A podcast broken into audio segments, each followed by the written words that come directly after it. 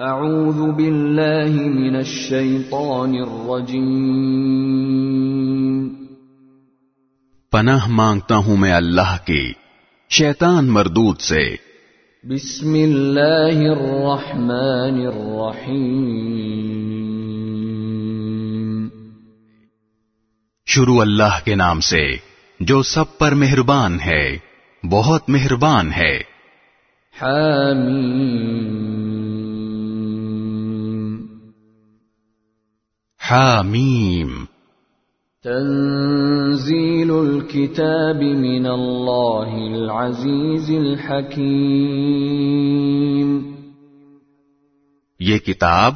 اللہ کی طرف سے اتاری جا رہی ہے جو بڑا صاحب اقتدار بڑا صاحب حکمت ہے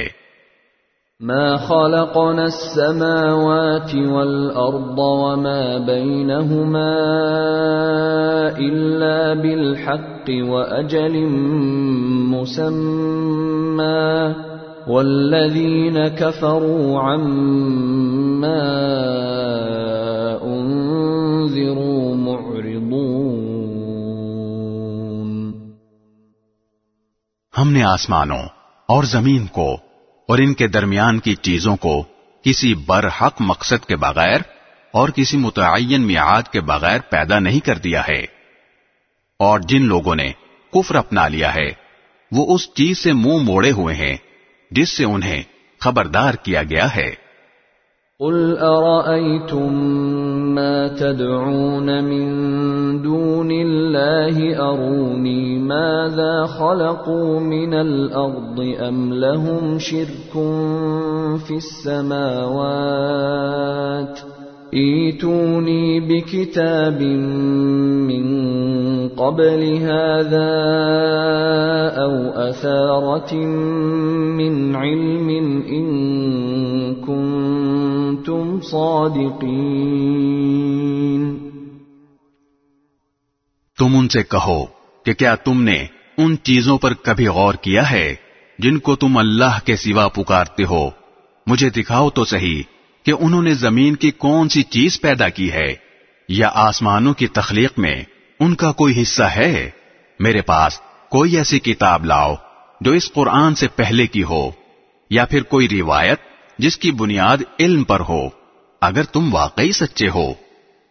ومن اضل ممن يدعو من من دون الله لا يستجيب له الى يوم القيامه وهم عن دعائهم غافلون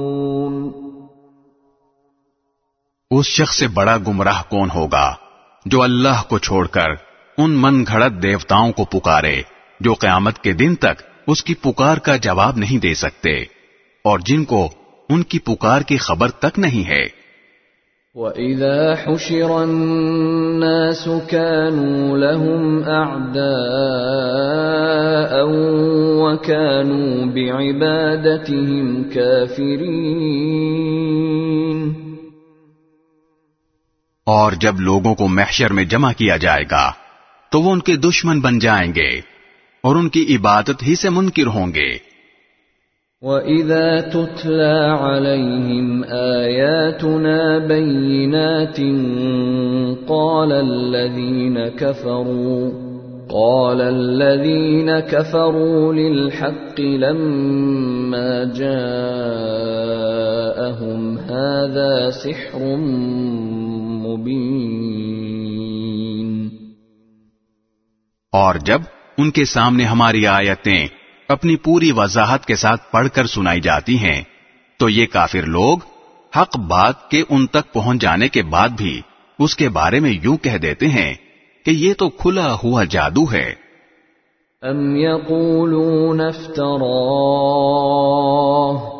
قل ان افتريته فلا تملكون لي من الله شيئا هو اعلم بما تفيضون فيه كفى به شهيدا بيني وبينكم وهو الغفور الرحيم ان کا کہنا یہ ہے پیغمبر نے اپنی طرف سے گھڑ لیا ہے کہہ دو کہ اگر میں نے اسے اپنی طرف سے گھڑ لیا ہے تو تم مجھے اللہ کی پکڑ سے ذرا بھی نہیں بچا سکو گے جو باتیں تم بناتے ہو وہ انہیں خوب جانتا ہے میرے اور تمہارے درمیان گواہ بننے کے لیے وہ کافی ہے اور وہی ہے جو بہت بخشنے والا بڑا مہربان ہے قل ما كنت بدعا من الرسل وما ادري ما يفعل بي ولا بكم ان اتبع الا ما يوحى الي وما انا الا نذير مبين کہ میں پیغمبروں میں کوئی انوکھا پیغمبر نہیں ہوں مجھے معلوم نہیں ہے کہ میرے ساتھ کیا کیا جائے گا اور نہ یہ معلوم ہے کہ تمہارے ساتھ کیا ہوگا میں کسی اور چیز کی نہیں صرف اس وحی کی پیروی کرتا ہوں جو مجھے بھیجی جاتی ہے اور میں تو صرف ایک واضح انداز سے خبردار کرنے والا ہوں قل ارايتم ان كان من عند الله وكفرتم به وشهد شاهد من بني اسرائيل على مثله فامن واستكبرتم ان الله لا يهدي القوم الظالمين کہو کہ ذرا مجھے یہ بتاؤ کہ اگر یہ قرآن اللہ کی طرف سے ہو اور تم نے اس کا انکار کر دیا اور بنو اسرائیل میں سے ایک گواہ نے اس جیسی بات کے حق میں گواہی بھی دے دی اور اس پر ایمان بھی لے آیا اور تم اپنے گھمنڈ میں مبتلا رہے تو یہ کتنے ظلم کی بات ہے یقین جانو کہ اللہ ایسے لوگوں کو ہدایت تک نہیں پہنچاتا جو ظالم ہوں وقال الذين كفروا للذين امنوا لو كان خيرا ما سبقونا اليه واذ لم يهتدوا به فسيقولون هذا افك قديم اور جن لوگوں نے کفر اپنا لیا ہے وہ ایمان لانے والوں کے بارے میں یوں کہتے ہیں کہ اگر یہ ایمان لانا کوئی اچھی بات ہوتی تو یہ لوگ اس بارے میں ہم سے سبقت نہ لے جا سکتے اور جب ان کافروں نے اس سے خود ہدایت حاصل نہیں کی تو وہ تو یہی کہیں گے کہ یہ وہی پرانے زمانے کا جھوٹ ہے وَمِن قَبْلِهِ كِتَابُ مُوسَى إِمَامًا ورحمة وهذا كتاب مصدق لسانا عربيا لينذر الذين ظلموا وبشرى للمحسنين اور اس سے پہلے موسا کی کتاب رہنما اور رحمت بن کر آ چکی ہے اور یہ قرآن وہ کتاب ہے جو عربی زبان میں ہوتے ہوئے اس کو سچا بتا رہی ہے تاکہ ان ظالموں کو خبردار کرے اور نیک کام کرنے والوں کے لیے خوشخبری بن جائے ان الذين قالوا ربنا الله ثم استقاموا فلا خوف عليهم ولا هم يحزنون یقینا جن لوگوں نے یہ کہہ دیا ہے کہ ہمارا پروردگار اللہ ہے پھر وہ اس پر ثابت قدم رہے تو ان پر نہ کوئی خوف تاری ہوگا اور نہ وہ غمگین ہوں گے اصحاب جزاء بما كانوا يعملون وہ جنت والے لوگ ہیں جو ہمیشہ اس میں رہیں گے یہ ان اعمال کا بدلہ ہوگا جو وہ کیا کرتے تھے وَوَصَّيْنَا الْإِنسَانَ بِوَالِدَيْهِ إِحْسَانًا حَمَلَتْهُ أُمُّهُ كُرْهًا وَوَضَعَتْهُ كُرْهًا وَحَمْلُهُ وَفِصَالُهُ ثَلَاثُونَ شَهْرًا حتى إذا بلغ أشده وبلغ أربعين سنة قال رب أوزعني قال رب اوزعني ان اشكر نعمتك التي انعمت علي وعلى والدي وان اعمل صالحا ترضاه واصلح لي في ذريتي إن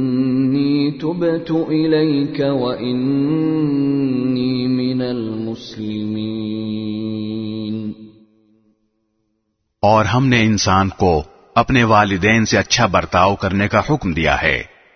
اس کی ماں نے بڑی مشقت سے اسے پیٹ میں اٹھائے رکھا اور بڑی مشقت سے اس کو جنا اور اس کو اٹھائے رکھنے اور اس کے دودھ چھڑانے کی مدت تیس مہینے ہوتی ہے یہاں تک کہ جب وہ اپنی پوری توانائی کو پہنچ گیا اور چالیس سال کی عمر تک پہنچا تو وہ کہتا ہے کہ یارب مجھے توفیق دیجئے کہ میں آپ کی اس نعمت کا شکر ادا کروں جو آپ نے مجھے اور میرے ماں باپ کو عطا فرمائی اور ایسے نیک عمل کروں جن سے آپ راضی ہو جائیں اور میرے لیے میری اولاد کو بھی صلاحیت دے دیجئے میں آپ کے حضور توبہ کرتا ہوں اور میں فرما برداروں میں شامل ہوں أولئك الذين نتقبل عنهم أحسن ما عملوا ونتجاوز عن سيئاتهم في أصحاب الجنة وعد الصدق الذي كانوا يوعدون ये वो جن سے ہم ان کے بہترین اعمال قبول کریں گے اور ان کی خطاؤں سے درگزر کریں گے جس کے نتیجے میں وہ جنت والوں میں شامل ہوں گے اس سچے وعدے کی بدولت جو ان سے کیا جاتا تھا والذي قال لوالديه اف لكما اتعدانني ان اخرج وقد خلت القرون من قبلي أتعدانني أن أخرج وقد خلت القرون من قبلي وهما يستغيثان الله ويلك آمن ويلك آمن إن وعد الله حق فيقول ما هذا إلا اساطیر الاولین اور ایک وہ شخص ہے جس نے اپنے والدین سے کہا ہے کہ تف ہے تم پر کیا تم مجھ سے یہ وعدہ کرتے ہو کہ مجھے زندہ کر کے قبر سے نکالا جائے گا حالانکہ مجھ سے پہلے بہت سی نسلیں گزر چکی ہیں اور والدین اللہ سے فریاد کرتے ہیں اور بیٹے سے کہتے ہیں کہ افسوس ہے تجھ پر ایمان لے آ یقین جان کہ اللہ کا وعدہ سچا ہے تو وہ کہتا ہے کہ ان باتوں کی اس کے سوا کوئی حقیقت نہیں ہے کہ یہ محض افسانے ہیں جو پچھلے لوگوں سے نقل ہوتے چلے آ رہے ہیں أولئك الذين حق عليهم القول في أمم قد خلت من قبلهم من الجن والإنس إنهم كانوا خاسرين وہ لوگ ہیں جن کے بارے میں جنات اور انسانوں کے ان گروہوں سمیت جو ان سے پہلے گزرے ہیں عذاب کی بات طے ہو چکی ہے حقیقت یہ ہے کہ یہ سب بڑا نقصان اٹھانے والے ہیں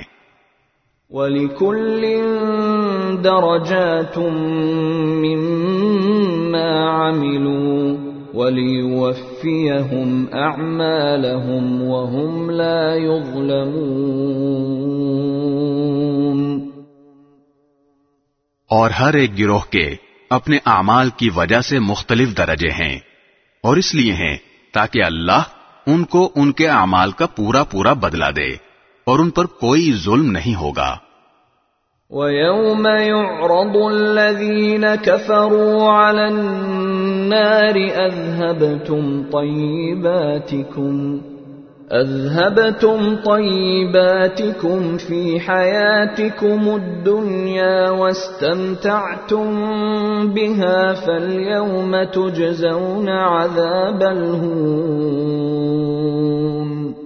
فِي الْأَرْضِ بِغَيْرِ الْحَقِّ وَبِمَا كُنْتُمْ تَفْسُقُونَ اور اس دن کو یاد رکھو جب ان کافروں کو آگ کے سامنے پیش کیا جائے گا اور کہا جائے گا کہ تم نے اپنے حصے کی اچھی چیزیں اپنی دنیاوی زندگی میں ختم کر ڈالیں اور ان سے خوب مزہ لے لیا لہذا آج تمہیں بدلے میں ذلت کی سزا ملے گی کیونکہ تم زمین میں ناحق تکبر کیا کرتے تھے اور کیونکہ تم نافرمانی کے عادی تھے واذكر اخا عاد اذ انذر قومه بالاحقاف وقد خلت النذر من بين يديه ومن خلفه الا تعبدوا الا الله اللہ یوم عظیم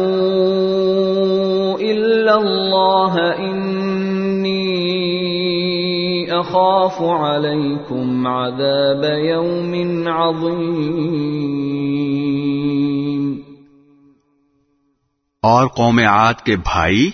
یعنی حضرت ہود علیہ السلام کا تذکرہ کرو جب انہوں نے اپنی قوم کو خمدار ٹیلوں کی سرزمین میں خبردار کیا تھا اور ایسے خبردار کرنے والے ان سے پہلے بھی گزر چکے ہیں اور ان کے بعد بھی کہ اللہ کے سوا کسی کی عبادت نہ کرو مجھے تم پر ایک زبردست دن کے عذاب کا اندیشہ ہے قالوا اجئتنا لتأفكنا عن آلهتنا فأتنا بما تعدنا إن كنت من الصادقين کہا کیا تم ہمارے پاس اس لیے آئے ہو کہ ہمارے خداؤں سے ہمیں برگشتہ کرو اچھا اگر تم سچے ہو تو لے آؤ ہم پر وہ عذاب جس کی دھمکی دے رہے ہو قال انما العلم عند ما ارسلت به سل انہوں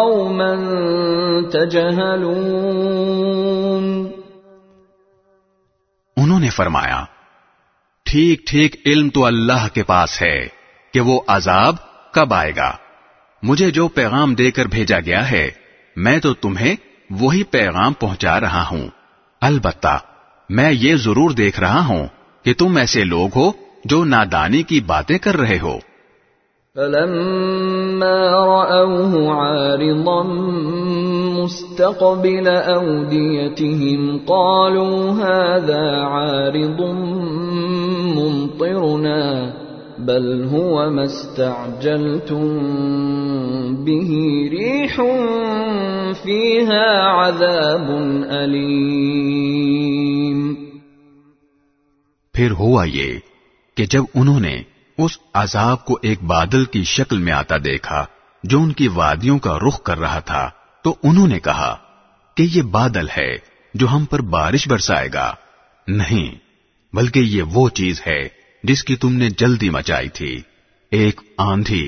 جس میں دردناک عذاب ہے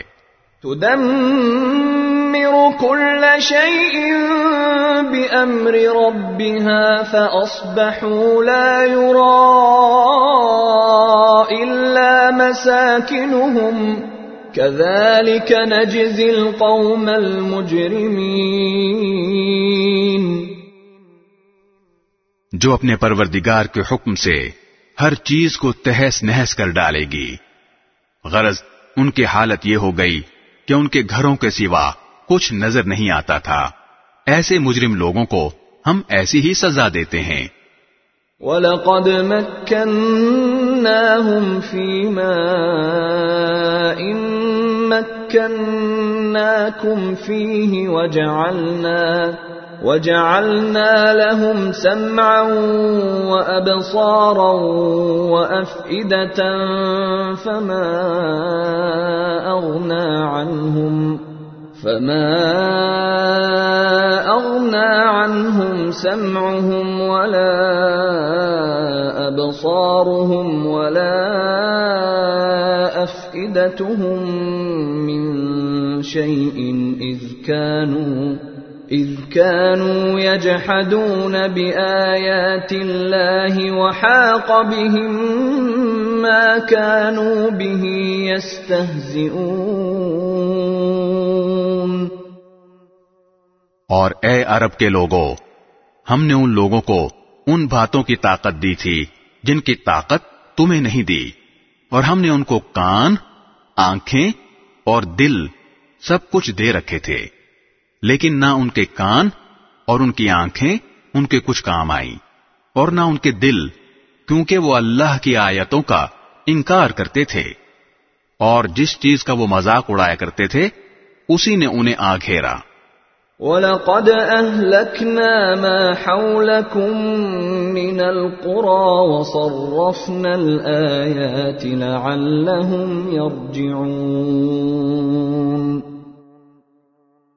اور ہم نے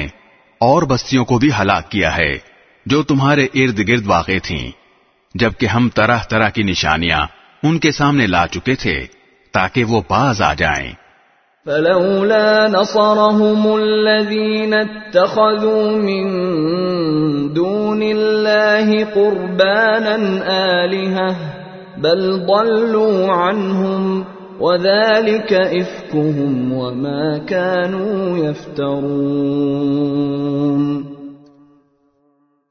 انہوں نے اللہ کا تقرب حاصل کرنے کے لیے جن چیزوں کو اللہ کے سوا معبود بنا رکھا تھا انہوں نے ان کی کیوں مدد نہ کر لی اس کے بجائے وہ سب ان کے لیے بے نشان ہو گئے یہ تو ان کا سراسر جھوٹ تھا اور بہتان تھا جو انہوں نے تراش رکھا تھا واذ صرفنا اليك نفرا من الجن يستمعون القران فلما حضروه قالوا انصتوا فلما قضي ولوا الى قومهم منذ اور اے پیغمبر یاد کرو جب ہم نے جن میں سے ایک گروہ کو تمہاری طرف متوجہ کیا کہ وہ قرآن سنے چنانچہ جب وہ وہاں پہنچے تو انہوں نے ایک دوسرے سے کہا کہ خاموش ہو جاؤ پھر جب وہ پڑھا جا چکا تو وہ اپنی قوم کے پاس انہیں خبردار کرتے ہوئے واپس پہنچے قالوا قومنا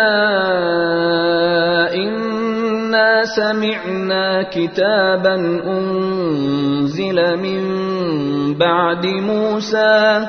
إنا سمعنا كتابا أنزل من بعد موسى مصدقا لما بين يديه يهدي إلى الحق يهدي إلى الحق وإلى طريق مستقيم انہوں نے کہا اے ہماری قوم کے لوگوں یقین جانو ہم نے ایک ایسی کتاب سنی ہے جو موسا علیہ السلام کے بعد نازل کی گئی ہے اپنے سے پہلی کتابوں کی تصدیق کرتی ہے حق بات اور سیدھے راستے کی طرف رہنمائی کرتی ہے يا قومنا أجيبوا داعي الله أجيبوا داعي الله وآمنوا به يغفر لكم من ذنوبكم يغفر لكم من ذنوبكم ويجركم من عذاب أليم ہماری قوم کے لوگوں اللہ کے دائی کی بات مان لو اور اس پر ایمان لے آؤ اللہ تمہارے گناہوں کو معاف کر دے گا اور تمہیں ایک دردناک عذاب سے پناہ دے دے گا ومن لا يجب داعي الله فليس بمعجز في الأرض وليس له من دونه أولياء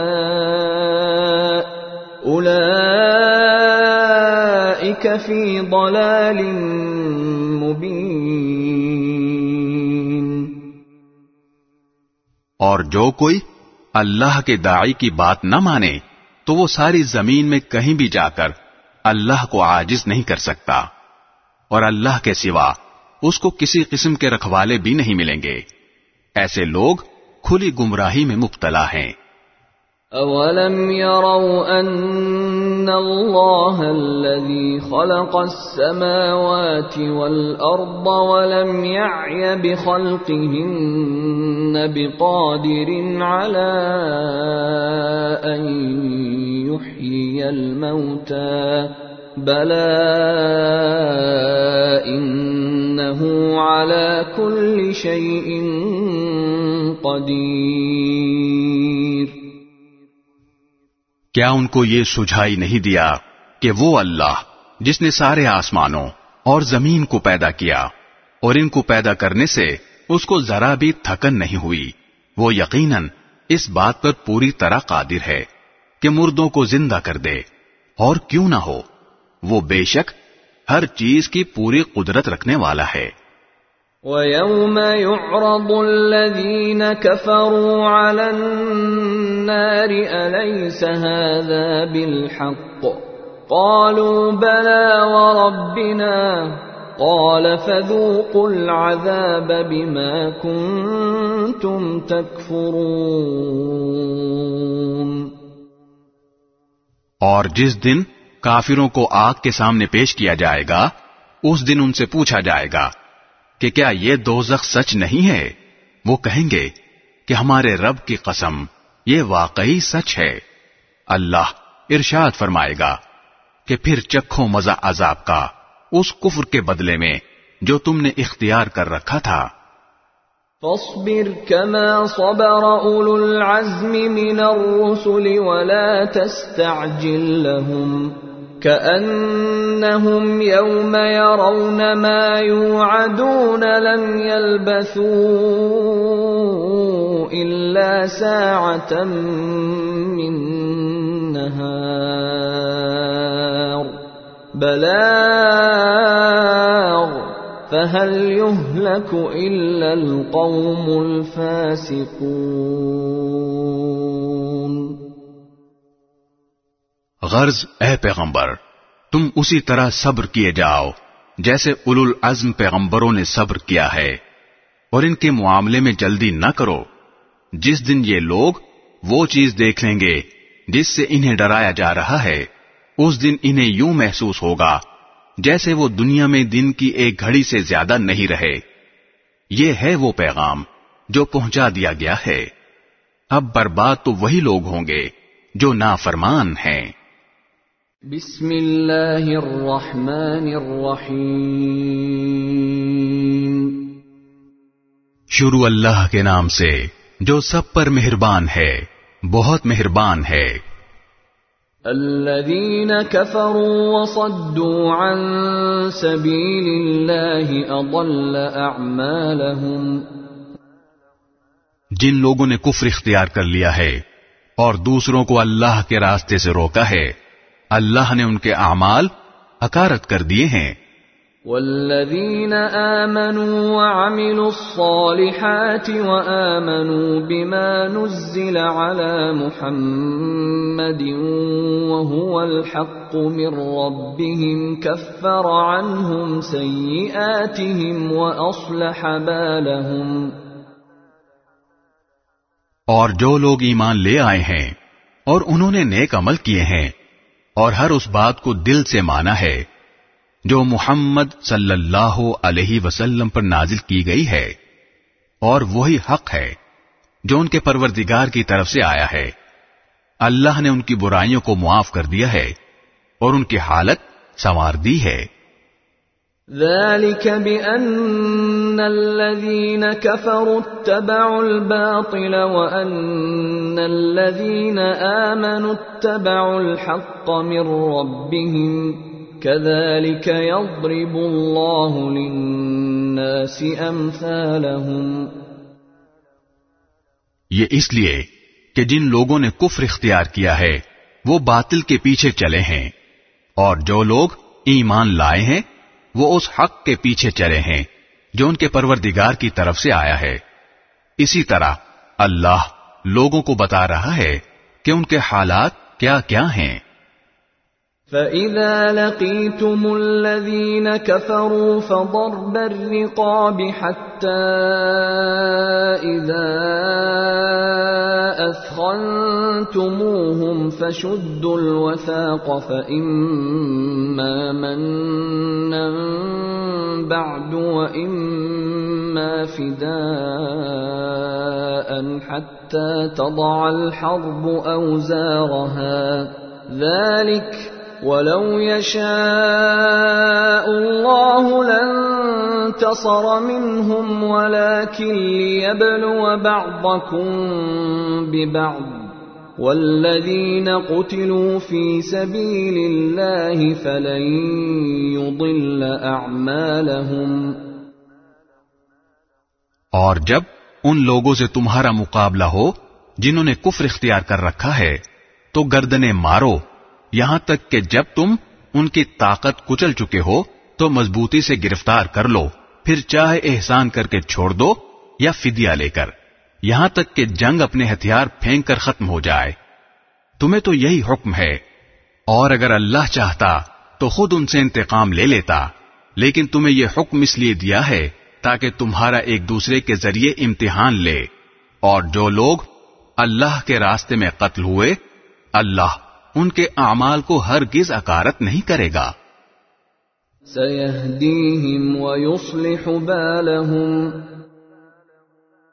وہ انہیں منزل تک پہنچا دے گا اور ان کی حالت سنوار دے گا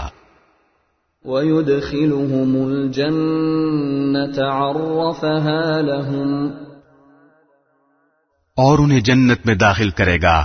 جس کی انہیں خوب پہچان کرا دی ہوگی يا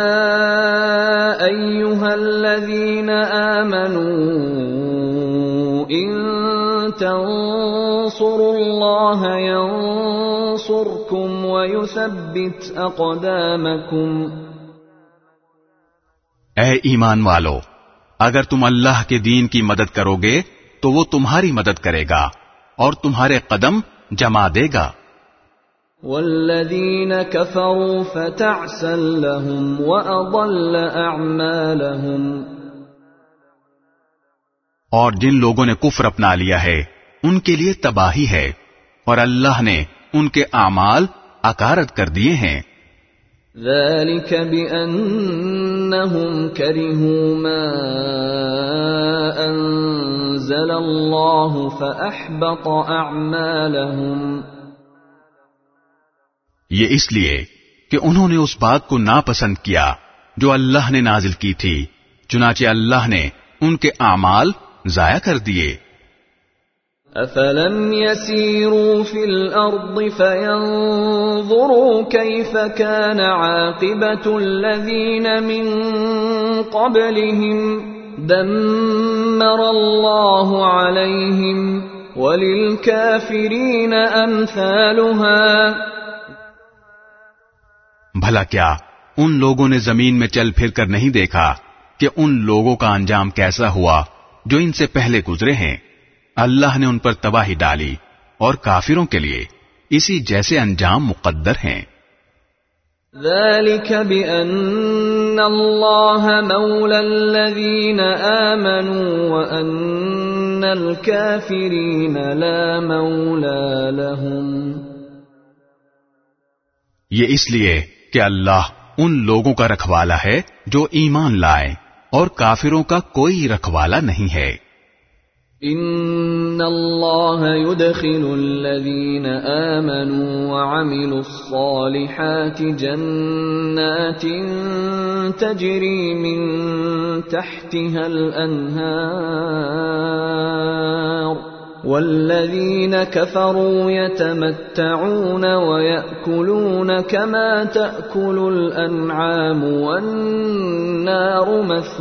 لهم یقین رکھو کہ جو لوگ ایمان لائے ہیں اور انہوں نے نیک عمل کیے ہیں اللہ ان کو ایسے باغات میں داخل کرے گا جن کے نیچے نہریں بہتی ہوں گی اور جنہوں نے کفر اپنا لیا ہے وہ یہاں تو مزے اڑا رہے ہیں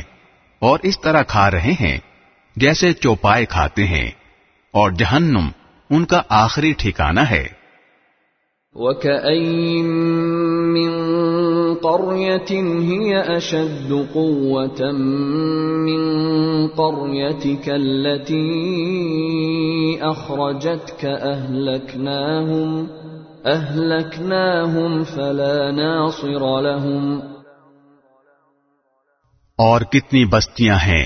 جو طاقت میں تمہاری اس بستی سے زیادہ مضبوط تھیں جس نے اے پیغمبر تمہیں نکالا ہے ان سب کو ہم نے ہلاک کر دیا اور ان کا کوئی مددگار نہ ہوا افمن كان على بينه من ربه كمن زين له سوء عمله واتبع اهواءهم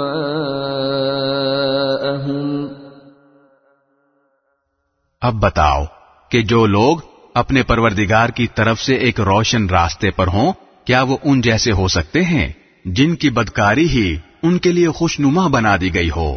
اور وہ اپنی نفسانی خواہشات کے پیچھے چلتے ہوں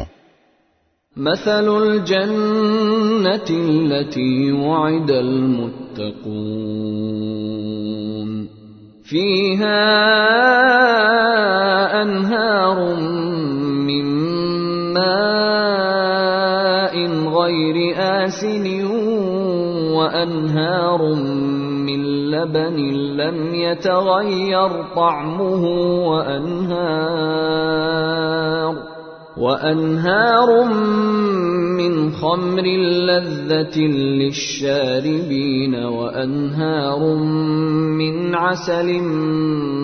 مصفى ولهم فيها من كل الثمرات ومغفرة من ربهم ۖ كمن هو خالد في النار وسقوا ماء حميما فقطع أمعاءهم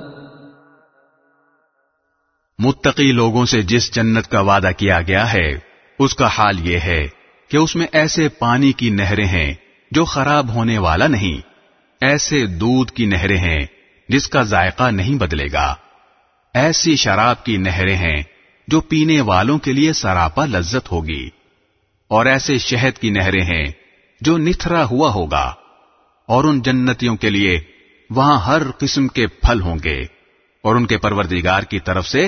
مغفرت کیا یہ لوگ ان جیسے ہو سکتے ہیں جو ہمیشہ دوزخ میں رہیں گے اور انہیں گرم پانی پلایا جائے گا چنانچہ کی آنتوں کو ٹکڑے ٹکڑے کر دے گا ومنهم من يستمع إليك حتى إذا خرجوا من عندك قالوا للذين أوتوا العلم ماذا قال آنفاً طبع قلوبهم واتبعوا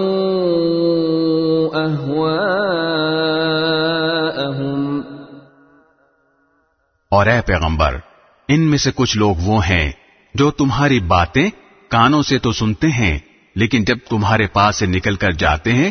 تو جنہیں علم اتا ہوا ہے ان سے پوچھتے ہیں کہ ابھی ابھی آپ صلی اللہ علیہ وسلم نے کیا کہا تھا یہ وہ لوگ ہیں جن کے دلوں پر اللہ نے مہر لگا دی ہے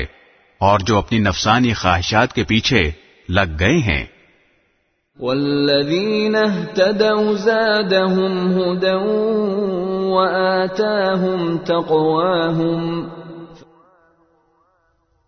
اور جن لوگوں نے ہدایت کا راستہ اختیار کیا ہے اللہ نے انہیں ہدایت میں اور ترقی دی ہے انہیں ان کے حصے کا تقوی عطا فرمایا ہے فهل ينظرون إلا الساعة أن تأتيهم بغتة فقد جاء أشراطها فأنا لهم إذا جاءتهم ذكراهم اب کیا یہ کافر لوگ قیامت ہی کا انتظار کر رہے ہیں کہ وہ یک ان پر آن پڑے اگر ایسا ہے تو اس کی علامتیں تو آ چکی ہیں پھر جب وہ آ ہی جائے گی تو اس وقت ان کے لیے نصیحت ماننے کا موقع کہاں سے آئے گا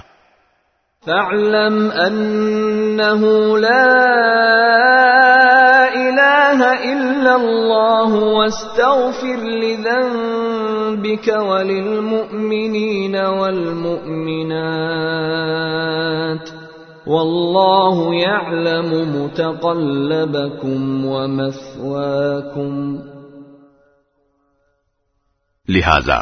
اے پیغمبر یقین جانو کہ اللہ کے سوا کوئی عبادت کے لائق نہیں ہے اور اپنے قصور پر بھی بخشش کی دعا مانگتے رہو اور مسلمان مردوں اور عورتوں کی بخشش کی بھی اور اللہ تم سب کی نقل و حرکت اور تمہارے قیام گاہ کو خوب جانتا ہے وَيَقُولُ الَّذِينَ آمَنُوا لَوْلَا نُزِّلَتْ سُورَةٌ فإذا أنزلت سورة محكمة وذكر فيها القتال رأيت الذين في قلوبهم مرض ينظرون إليك نظر المغشي عليه من الموت فأولى لهم ۖ اور جو لوگ ایمان لائے ہیں وہ کہتے ہیں کہ کیا اچھا ہو کہ کوئی نئی صورت نازل ہو جائے پھر جب کوئی جچی تولی صورت نازل ہو جائے اور اس میں لڑائی کا ذکر ہو تو جن لوگوں کے دلوں میں روگ ہے تم انہیں دیکھو گے کہ وہ تمہاری طرف اس طرح نظریں اٹھائے ہوئے ہیں جیسے کسی پر موت کی غشی تاری ہو بڑی خرابی ہے ایسے لوگوں کی یہ فرما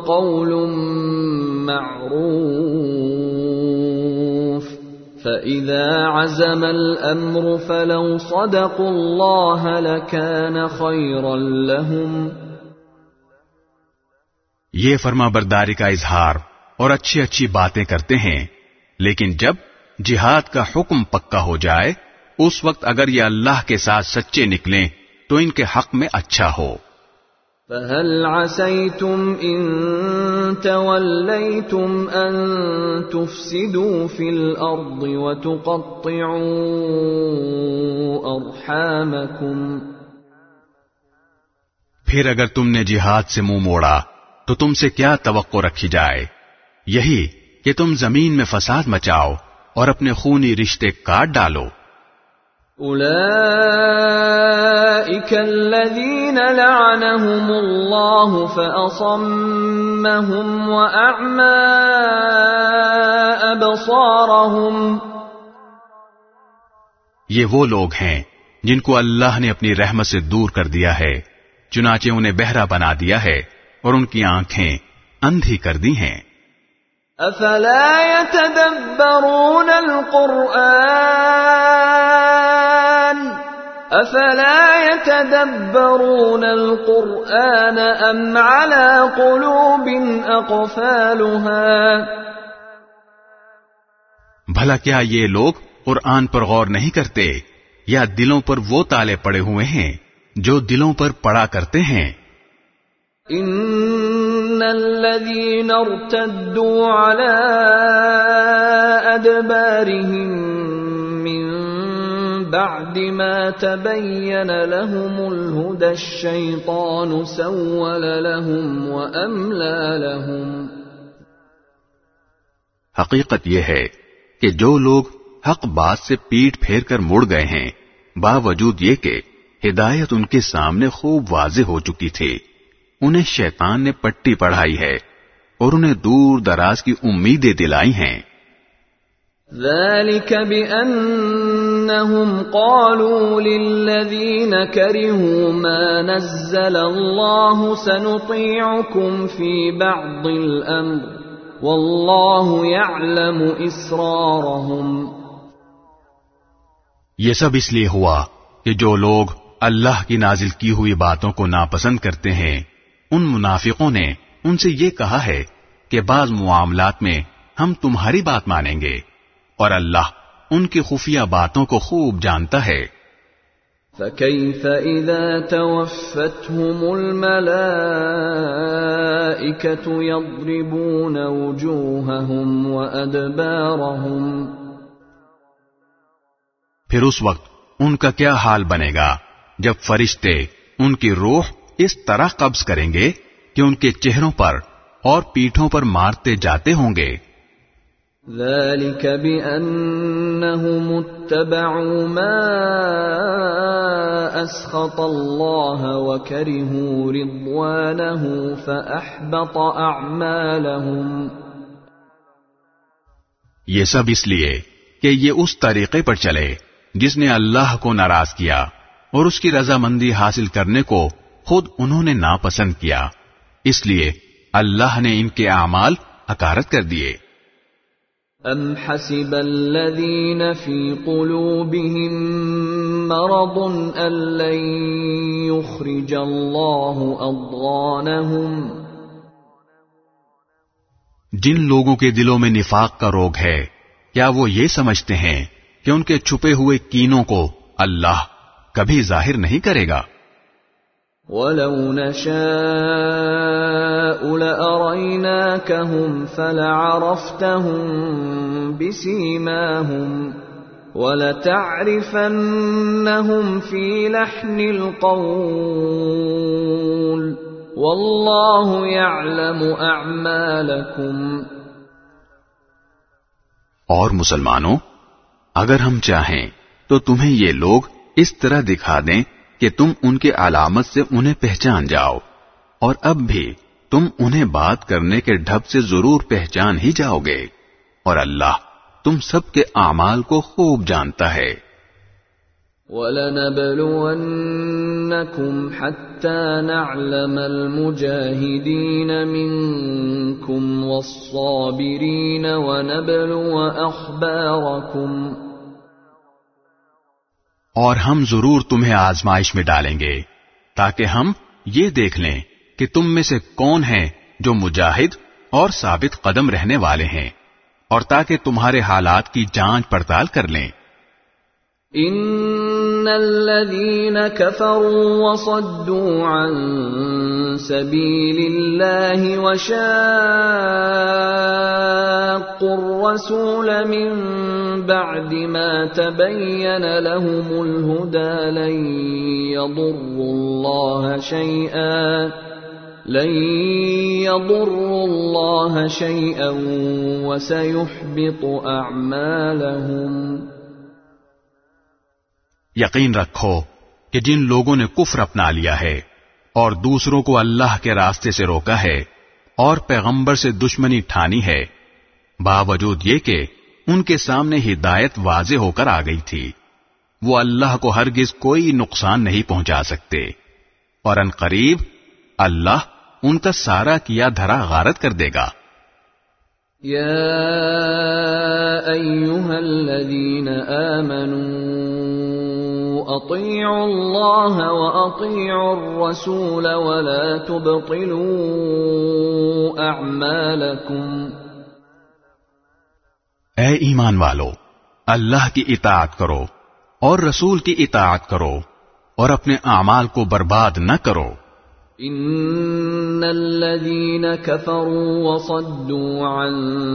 سبيل الله ثم ماتوا وهم كفار فلن يغفر الله لهم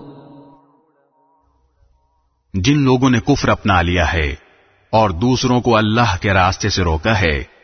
پھر کفر ہی کے حالت میں مر گئے ہیں اللہ کبھی ان کو نہیں بخشے گا فلا تهنوا وتدعوا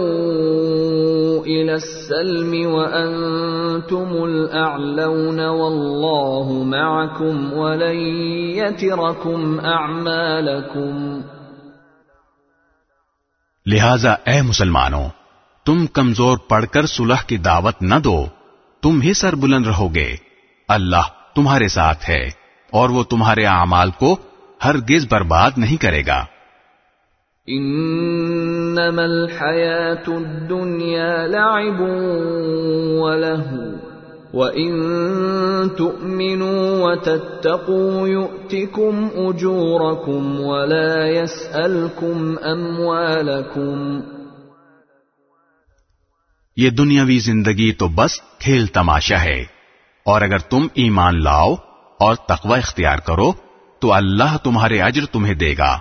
اور تمہارے مال تم سے نہیں مانگے گا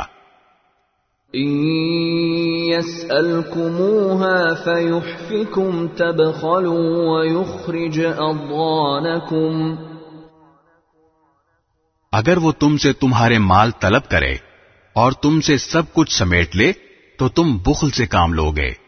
اور وہ تمہارے دل کی ناراضیوں کو ظاہر کر دے گا ها انتم هؤلاء تدعون لتنفقوا في سبيل الله فمنكم من يبخل ومن يبخل فانما يبخل عن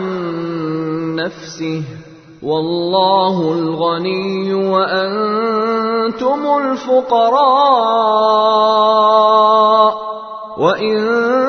تَتَوَلَّوْا يَسْتَبْدِلْ قَوْمًا غَيْرَكُمْ ثُمَّ لَا يَكُونُوا أَمْثَالَكُمْ دیکھو تم ایسے ہو کہ تمہیں اللہ کے راستے میں خرچ کرنے کے لیے بلایا جاتا ہے تو تم میں سے کچھ لوگ ہیں جو بخل سے کام لیتے ہیں اور جو شخص بھی بخل کرتا ہے وہ خود اپنے آپ ہی سے بخل کرتا ہے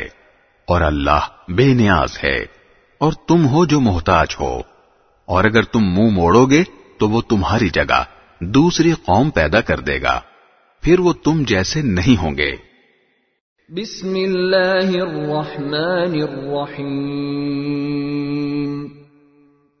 شروع اللہ کے نام سے جو سب پر مہربان ہے بہت مہربان ہے فتحنا لك فتحا مبینا اے پیغمبر یقین جانو ہم نے تمہیں کھلی ہوئی فتح عطا کر دی ہے لِيَغْفِرَ لَكَ اللَّهُ مَا تَقَدَّمَ مِن ذَنْبِكَ وَمَا تَأَخَّرَ وَيُتِمَّ نِعْمَتَهُ عَلَيْكَ وَيَهْدِيَكَ صِرَاطًا مُسْتَقِيمًا تاکہ اللہ تمہاری اگلی پچھلی تمام کوتاہیوں کو معاف کر دے اور تاکہ اپنی نعمت تم پر مکمل کر دے اور تمہیں سیدھے راستے پر لے چلے وَيَنصُرَكَ اللَّهُ نَصْرًا عَزِيزًا اور تاکہ اللہ تمہاری ایسی مدد کرے جو سب پر غالب آ جائے ہو اللہ کلو بل ایمن وہی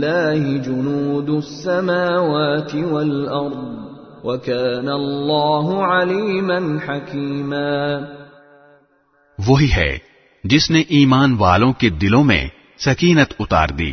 تاکہ ان کے ایمان میں مزید ایمان کا اضافہ ہو اور آسمانوں اور زمین کے تمام لشکر اللہ ہی کے ہیں اور اللہ علم کا بھی مالک ہے حکمت کا بھی مالک ليدخل المؤمنين والمؤمنات جنات تجري من تحتها الانهار خالدين فيها خالدين فيها ويكفر عنهم سيئاتهم وكان ذلك عند الله فوزا عظيما تاكي ومؤمن مردون اور عورتوں کو ایسے باغات میں داخل کرے جن کے نیچے نہریں بہتی ہیں جہاں وہ ہمیشہ بسے رہیں گے اور ان کی برائیوں کو ان سے دور کر دے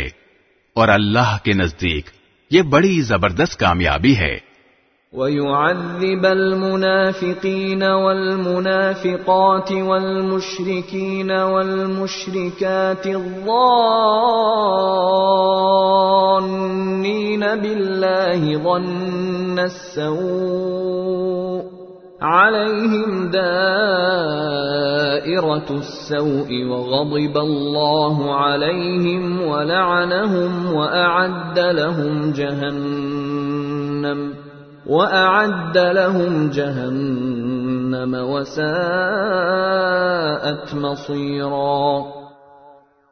تاکہ ان منافق مردوں اور منافق عورتوں اور مشرق مردوں اور مشرق عورتوں کو عذاب دے جو اللہ کے ساتھ بدگمانیاں رکھتے ہیں برائی کا پھیر انہی پر پڑا ہوا ہے اور اللہ ان سے ناراض ہے اس نے ان کو اپنی رحمت سے دور کر دیا ہے اور ان کے لیے جہنم تیار کر رکھی ہے اور وہ بہت ہی برا ٹھکانہ ہے وَلِلَّهِ جُنُودُ السَّمَاوَاتِ وَالْأَرْضِ وَكَانَ اللَّهُ عَزِيزًا حَكِيمًا اور آسمانوں اور زمین کے تمام لشکر اللہ ہی کے ہیں اور اللہ اقتدار کا بھی مالک ہے حکمت کا بھی مالک ونذيرا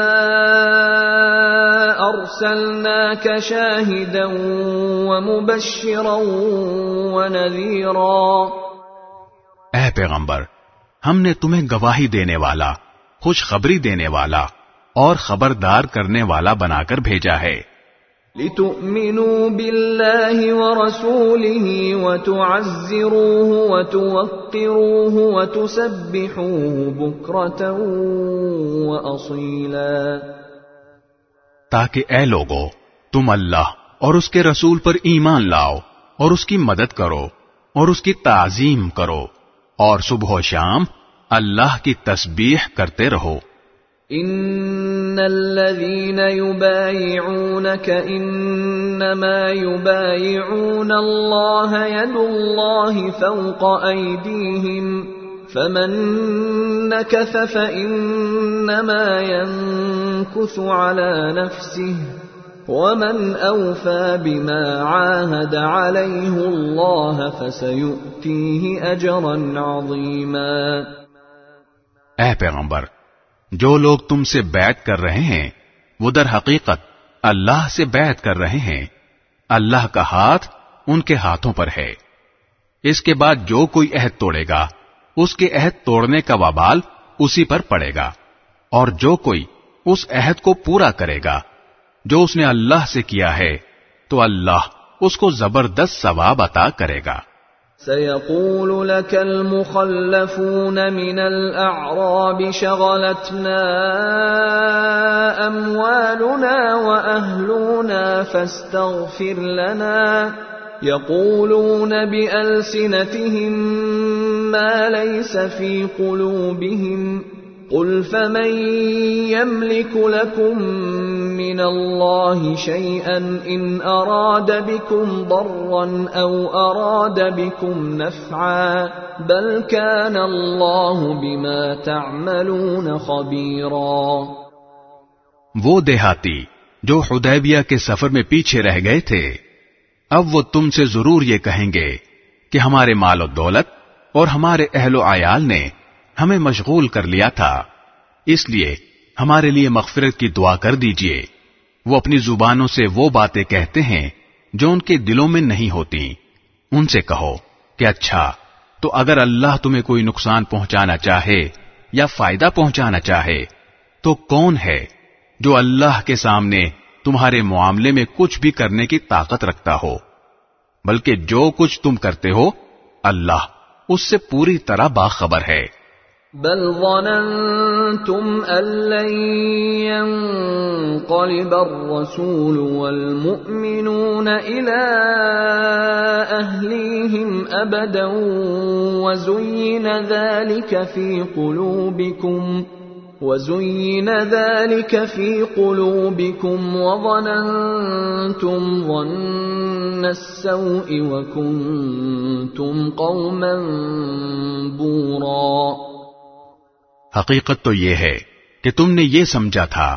کہ رسول صلی اللہ علیہ وسلم اور دوسرے مسلمان کبھی اپنے گھر والوں کے پاس لوٹ کر نہیں آئیں گے اور یہی بات تمہارے دلوں کو اچھی معلوم ہوتی تھی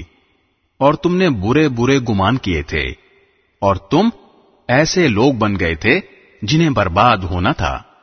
ومن لم يؤمن بالله ورسوله فإنا اعتدنا للكافرين سعيرا اور جو شخص اللہ اور اس کے رسول پر ایمان نہ لائے تو وہ یاد رکھے کہ ہم نے کافروں کے لیے بھڑکتی ہوئی آگ تیار کر رکھی ہے وَلِلَّهِ مُلْكُ السَّمَاوَاتِ وَالْأَرْضِ يغفر لمن يشاء يشاء ويعذب من وكان الله غفورا رحيما اور آسمانوں اور زمین کی سلطنت تمام تر اللہ ہی کی ہے وہ جس کو چاہے بخش دے اور جس کو چاہے عذاب دے اور اللہ بہت بخشنے والا بہت مہربان ہے سيقول المخلفون إذا انطلقتم إلى مغانم لتأخذوها ذرونا نتبعكم يريدون أن يبدلوا كلام الله قل لن تتبعونا كذلكم قال الله من قبل فسيقولون بل بل تحسدوننا كانوا لا يفقهون قليلا مسلمانوں جب تم غنیمت کے مال لینے کے لیے چلو گے تو یہ حدیبیہ کے سفر سے پیچھے رہنے والے تم سے کہیں گے کہ ہمیں بھی اپنے ساتھ چلنے دو وہ چاہیں گے کہ اللہ کی بات کو بدل دیں تم کہہ دینا کہ تم ہرگز ہمارے ساتھ نہیں چلو گے اللہ نے پہلے سے یوں ہی فرما رکھا ہے اس پر وہ کہیں گے کہ دراصل آپ لوگ ہم سے حسد رکھتے ہیں نہیں بلکہ حقیقت یہ ہے کہ یہ لوگ خود ہی ایسے ہیں کہ بہت کم بات سمجھتے ہیں قل للمخلفين من الأعراب ستدعون إلى قوم أولي بأس شديد تقاتلونهم أو يسلمون فإن تطيعوا يؤتكم الله أجرا حسناً ان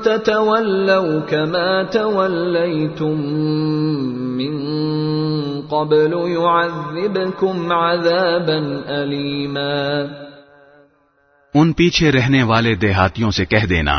کہ ان قریب تمہیں ایسے لوگوں کے پاس لڑنے کے لیے بلایا جائے گا جو بڑے سخت جنگجو ہوں گے کہ یا تو ان سے لڑتے رہو یا وہ اطاعت قبول کر لیں اس وقت اگر تم جہاد کے اس حکم کی اطاعت کرو گے تو اللہ تمہیں اچھا اجر دے گا اور اگر تم منہ موڑو گے جیسا کہ تم نے پہلے منہ موڑا تھا تو اللہ تمہیں دردناک عذاب دے گا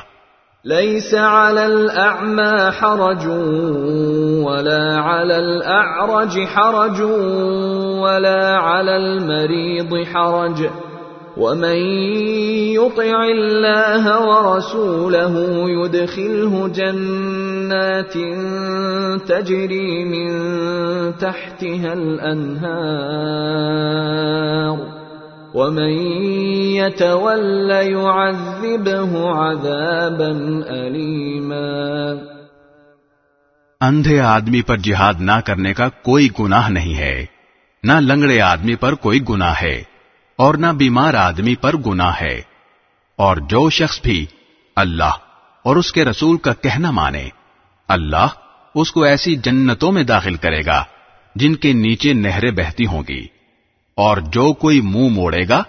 اسے دردناک عذاب دے گا لقد رضي الله عن المؤمنين اذ يبايعونك تحت الشجره فعلم ما في قلوبهم فانزل السكينه عليهم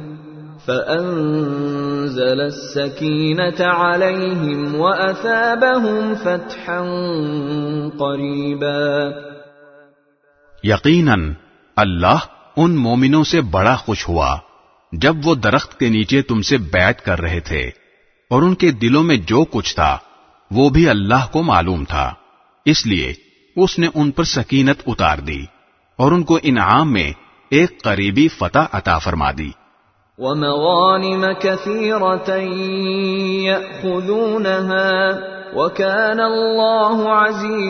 حكيما اور غنیمت میں ملنے والے بہت سے مال بھی جو ان کے ہاتھ آئیں گے اور اللہ اقتدار کا بھی مالک ہے حکمت کا بھی مالک وعدكم الله مغانم كثيرة تأخذونها فعجل لكم هذه فعجل لكم هذه وكف أيدي الناس عنكم ولتكون آية للمؤمنين ويهديكم صراطا مستقيما اللہ نے تم سے بہت سے مال غنیمت کا وعدہ کر رکھا ہے جو تم حاصل کرو گے اب فوری طور پر اس نے تمہیں یہ فتح دے دی ہے اور لوگوں کے ہاتھوں کو تم سے روک دیا تاکہ یہ مومنوں کے لیے ایک نشانی بن جائے اور تمہیں اللہ سیدھے راستے پر ڈال دے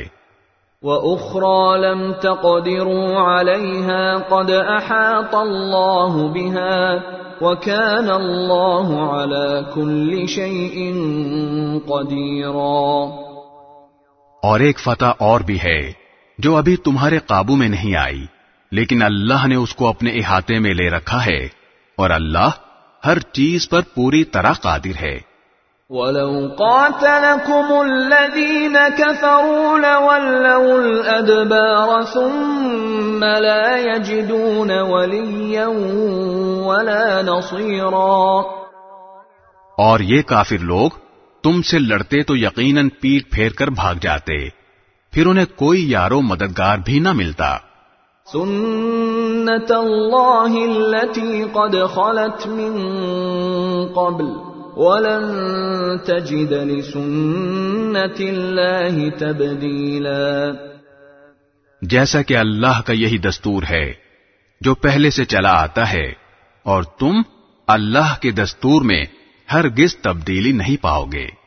وَهُوَ الَّذِي كَفَّ أَيْدِيَهُمْ عَنْكُمْ وَأَيْدِيَكُمْ عَنْهُمْ بِبَطْنِ مَكَّةَ مِنْ بَعْدِ أَنْ أَظْفَرَكُمْ عَلَيْهِمْ وَكَانَ اللَّهُ بِمَا تَعْمَلُونَ بَصِيرًا اور وہی اللہ ہے جس نے مکے کی وادی میں ان کے ہاتھوں کو تم تک پہنچنے سے اور تمہارے ہاتھوں کو ان تک پہنچنے سے روک دیا جبکہ وہ تمہیں ان پر قابو دے چکا تھا اور جو کچھ تم کر رہے تھے اللہ اسے دیکھ رہا تھا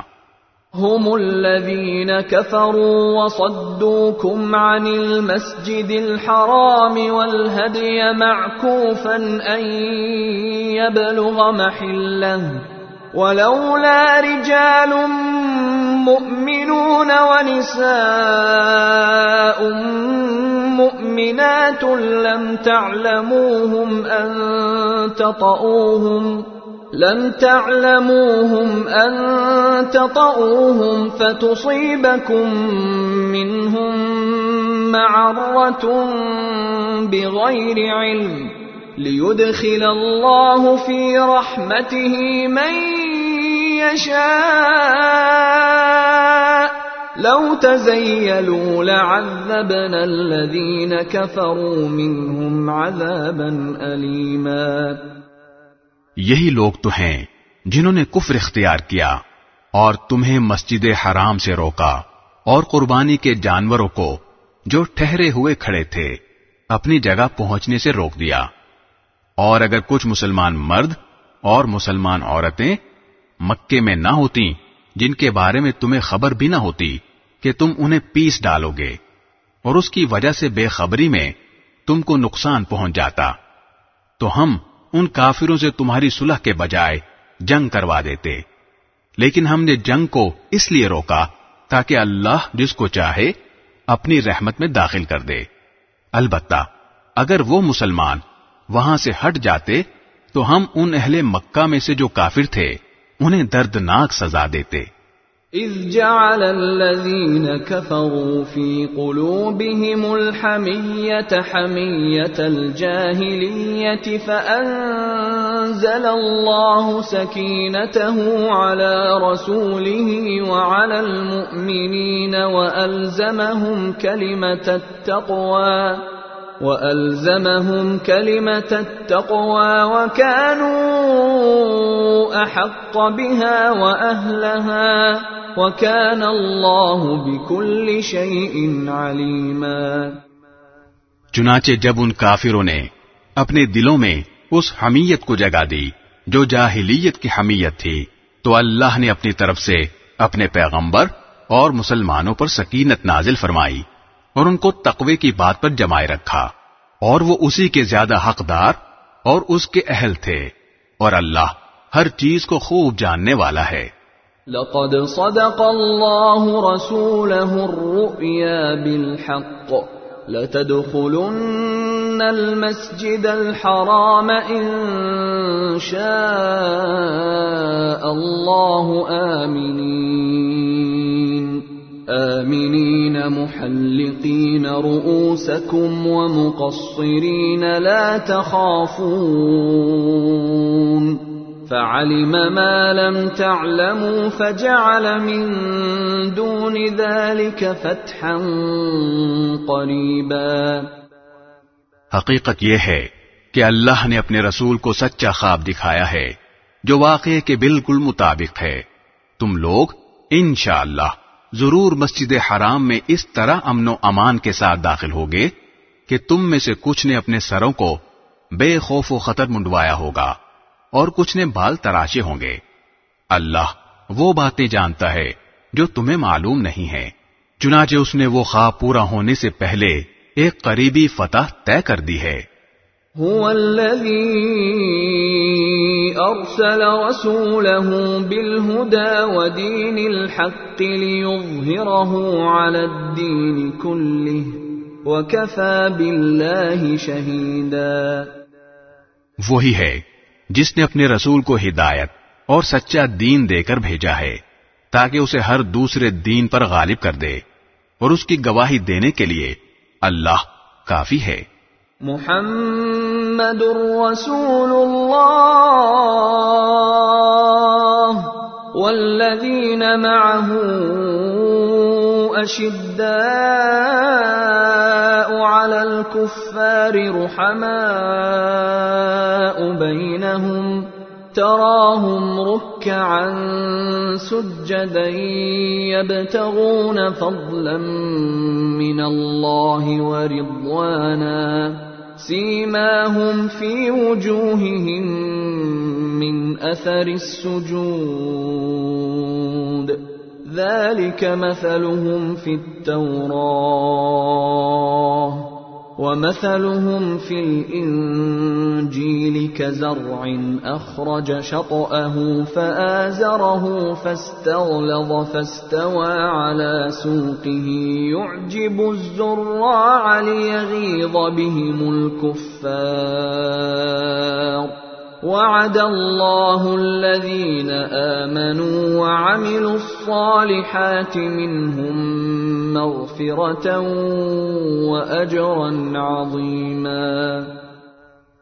محمد صلی اللہ علیہ وسلم اللہ کے رسول ہیں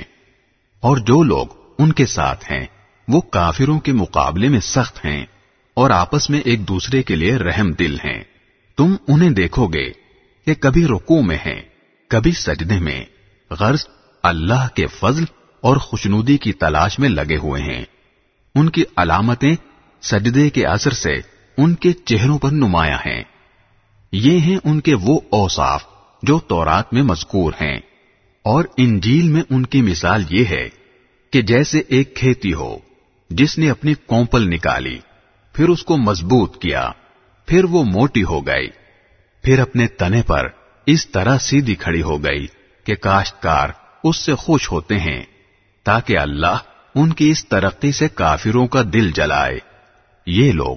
جو ایمان لائے ہیں اور انہوں نے نیک عمل کیے ہیں اللہ نے ان سے مغفرت اور زبردست ثواب کا وعدہ کر لیا ہے بسم اللہ الرحمن الرحیم شروع اللہ کے نام سے جو سب پر مہربان ہے بہت مہربان ہے یا ایوہا الذین آمنوا لا تقدموا بین یدی اللہ ورسولہ واتقوا اللہ ان اللہ سمیع علیم اے ایمان والو اللہ اور اس کے رسول کے آگے نہ بڑھا کرو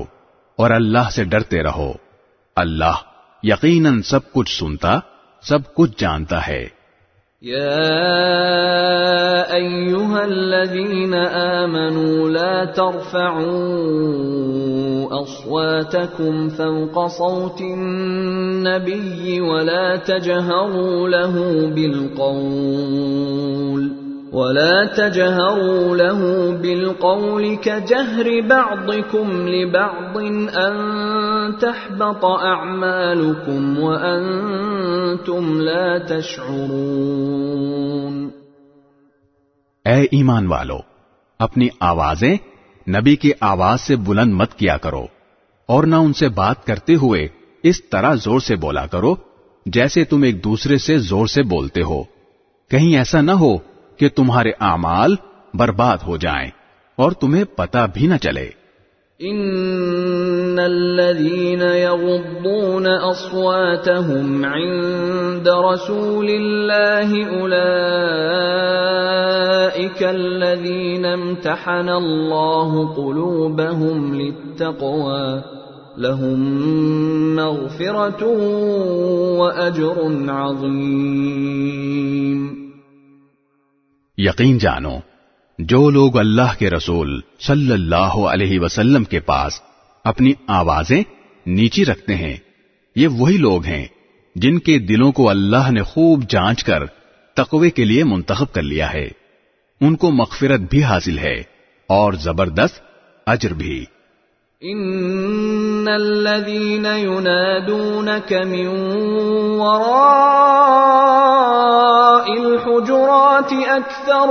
لا يعقلون اے پیغمبر جو لوگ تمہیں حجروں کے پیچھے سے آواز دیتے ہیں ان میں سے اکثر کو عقل نہیں ہے صبروا تخرج غفور رحیم اور اگر یہ لوگ اس وقت تک صبر کرتے جب تک تم خود باہر نکل کر ان کے پاس آ جاتے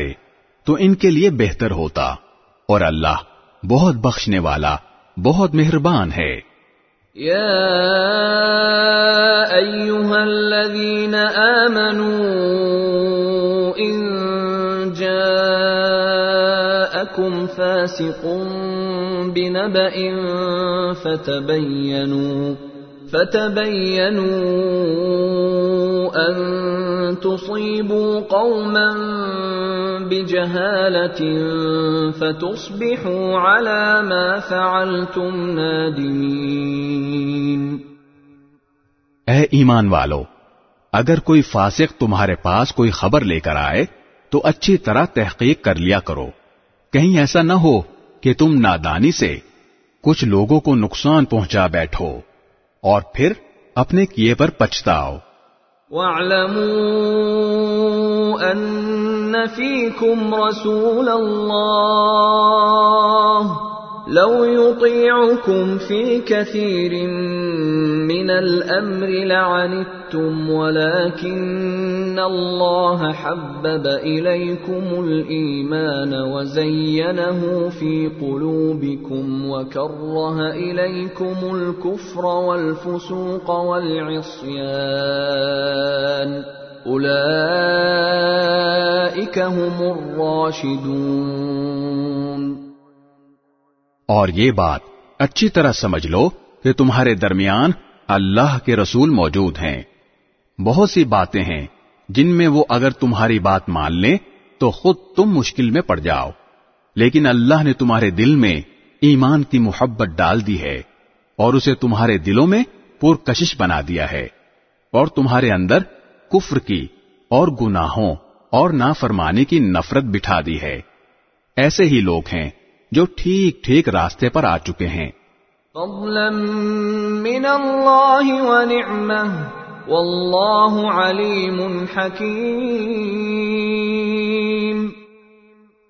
جو اللہ کی طرف سے فضل اور نعمت کا نتیجہ ہے اور اللہ علم کا بھی مالک ہے حکمت کا بھی مالک وَإِن مِنَ الْمُؤْمِنِينَ اقْتَتَلُوا فَأَصْلِحُوا بَيْنَهُمَا فإن بغت إحداهما على الأخرى فقاتلوا التي تبغي حتى تفيء إلى أمر الله فإن فاءت فأصلحوا بينهما بالعدل وأقسطوا ان اللہ يحب اور اگر مسلمانوں کے دو گروہ آپس میں لڑ پڑے تو ان کے درمیان صلح کراؤ پھر اگر ان میں سے ایک گروہ دوسرے کے ساتھ زیادتی کرے تو اس گروہ سے لڑو جو زیادتی کر رہا ہو یہاں تک کہ وہ اللہ کے حکم کی طرف لوٹ آئے چنانچہ اگر وہ لوٹ آئے تو ان کے درمیان انصاف کے ساتھ صلح کرا دو اور ہر معاملے میں انصاف سے کام لیا کرو بے شک اللہ انصاف کرنے والوں سے محبت کرتا ہے انما المؤمنون اخوة فاصلحوا بين اخويكم واتقوا الله لعلكم ترحمون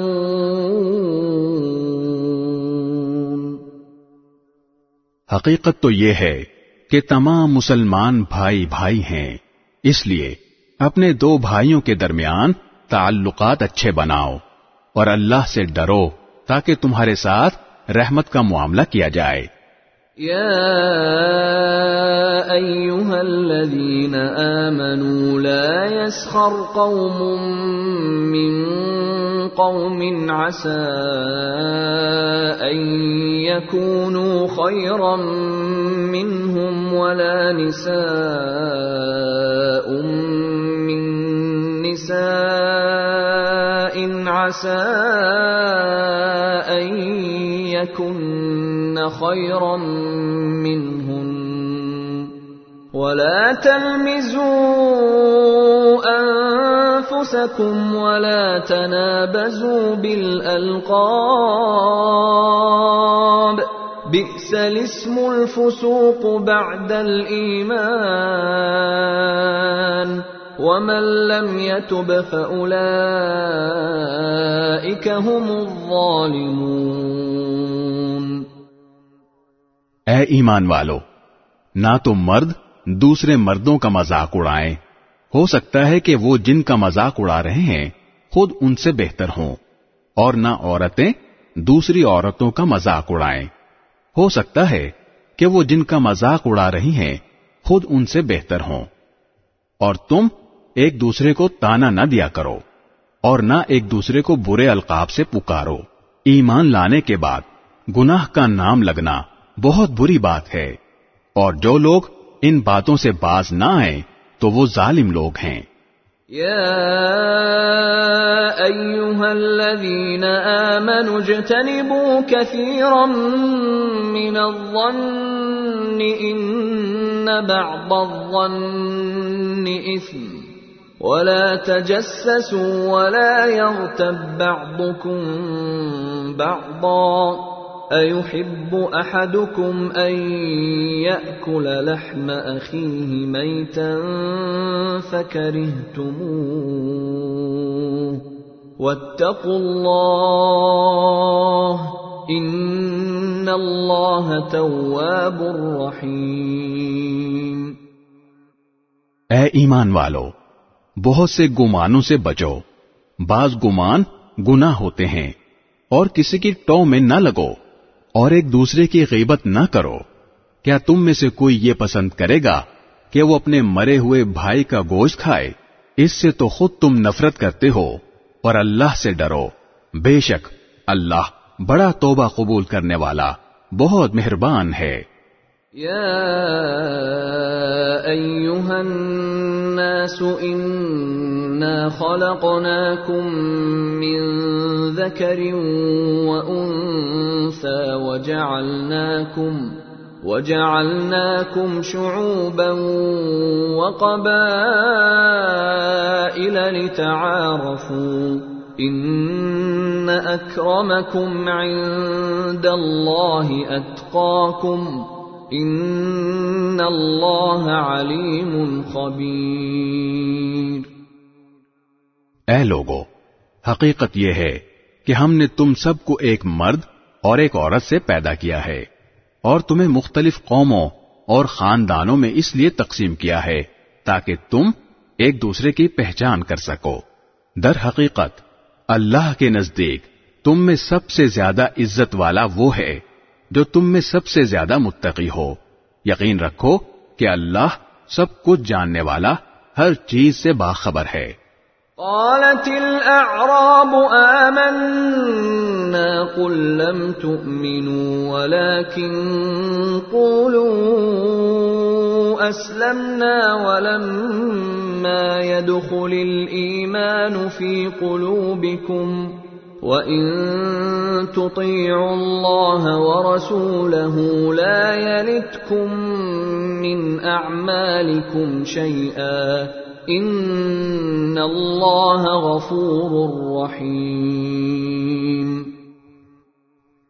دیہاتی کہتے ہیں کہ ہم ایمان لے آئے ہیں ان سے کہو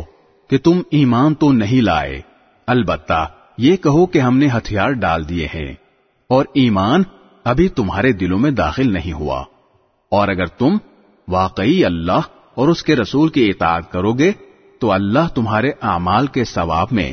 ذرا بھی کمی نہیں کرے گا یقیناً اللہ بہت بخشنے والا بہت مہربان ہے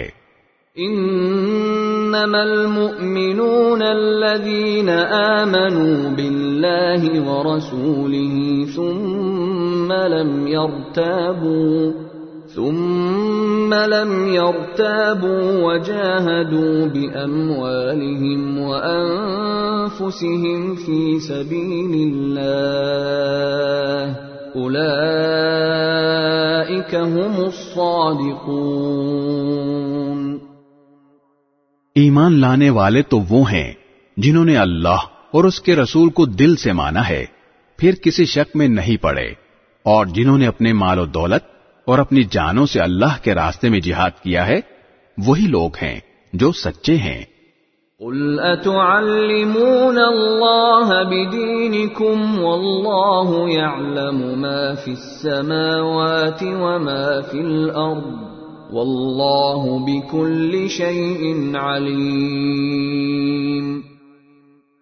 اے پیغمبر ان دیہاتیوں سے کہو کہ کیا تم اللہ کو اپنے دین کی اطلاع دے رہے ہو حالانکہ اللہ ان تمام چیزوں کو خوب جانتا ہے جو آسمانوں میں ہیں اور جو زمین میں ہیں اور اللہ ہر چیز کا پورا پورا علم رکھتا ہے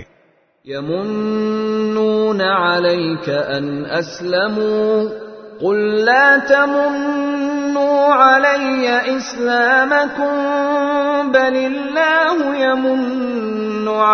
کم بن كنتم صادقين یہ لوگ تم پر احسان رکھتے ہیں کہ یہ اسلام لے آئے ہیں ان سے کہو کہ مجھ پر اپنے اسلام لانے کا احسان نہ جتلاؤ بلکہ اگر تم واقعی اپنے دعوے میں سچے ہو تو یہ اللہ کا تم پر احسان ہے کہ اس نے تمہیں ایمان کی ہدایت دی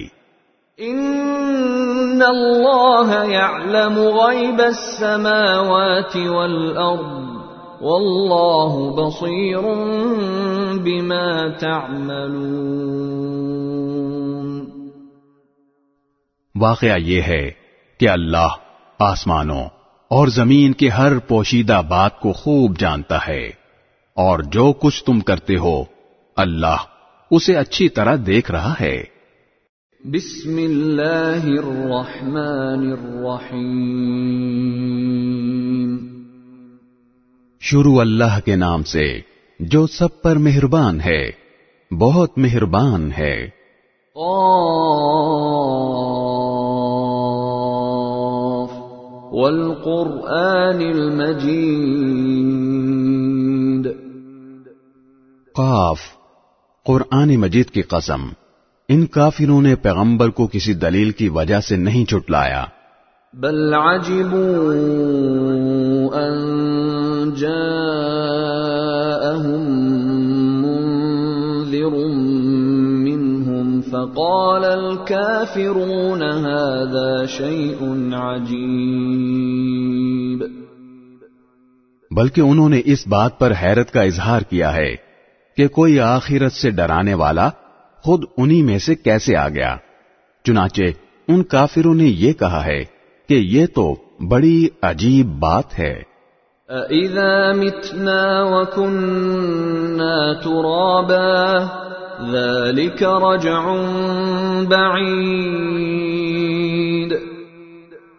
بھلا کیا جب ہم مر کھپ جائیں گے اور مٹی ہو جائیں گے اس وقت ہمیں پھر زندہ کیا جائے گا یہ واپسی تو ہماری سمجھ سے دور ہے قد علمنا ما تنقص الارض منهم وعندنا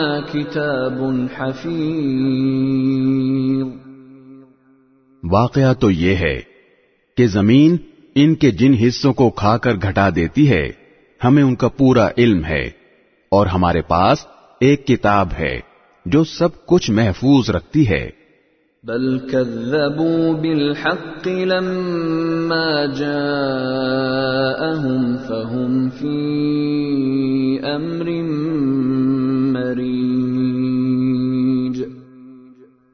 دراصل انہوں نے سچ کو اسی وقت جھٹلا دیا تھا جب وہ ان کے پاس آیا تھا چنانچہ وہ متضاد باتوں میں پڑے ہوئے ہیں افلم ينظروا الى السماء فوقهم كيف بنيناها وزيناها وما لها من فروج بھلا کیا انہوں نے اپنے اوپر آسمان کو نہیں دیکھا کہ ہم نے اسے کیسے بنایا ہے اور ہم نے اسے خوبصورتی بخشی ہے اور اس میں کسی قسم کے رکھنے نہیں ہیں مددناها فيها فيها رواسي من كل زوج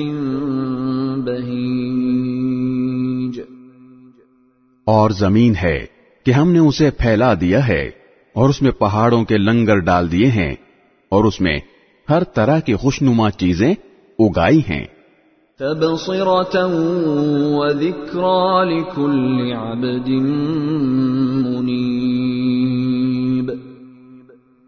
تاکہ وہ اللہ سے لو لگانے والے ہر بندے کے لیے بصیرت اور نصیحت کا سامان ہو وَنَزَّلْنَا مِنَ السَّمَاءِ مَاءً مُبَارَكًا فَأَنْبَتْنَا بِهِ جَنَّاتٍ وَحَبَّ الْحَصِيدِ اور ہم نے آسمان سے برکتوں والا پانی اتارا پھر اس کے ذریعے باغات اور وہ اناج کے دانے اگائے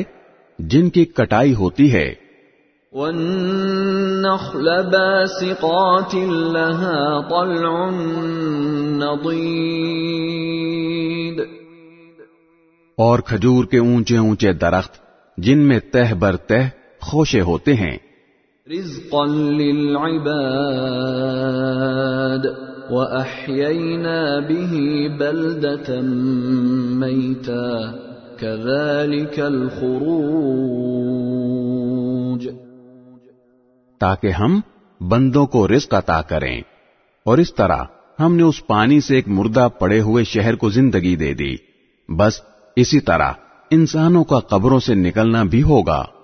كذبت قبلهم قوم نوح وأصحاب الرس وثمود ان سے پہلے نوح کی قوم اور اصحاب الرس اور سمود کے لوگوں نے بھی اس بات کو جھٹلایا تھا وعاد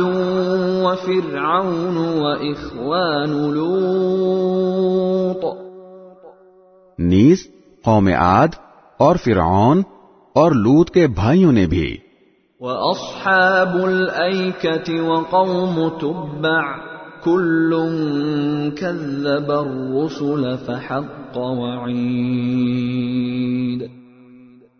اصحاب العکا اور طبع کی قوم نے بھی ان سب نے پیغمبروں کو جھٹلایا تھا اس لیے میں نے جس عذاب سے ڈرایا تھا وہ سچ ہو کر رہا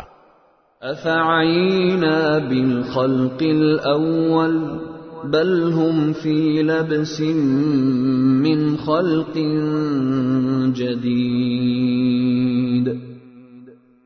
بھلا کیا ہم پہلی بار پیدا کرنے سے تھک گئے تھے نہیں لیکن یہ لوگ اثر نو پیدا کرنے کے بارے میں دھوکے میں پڑے ہوئے ہیں وَلَقَدْ خَلَقْنَا الْإِنسَانَ وَنَعْلَمُ مَا تُوَسْوِسُ بِهِ نَفْسُهُ اور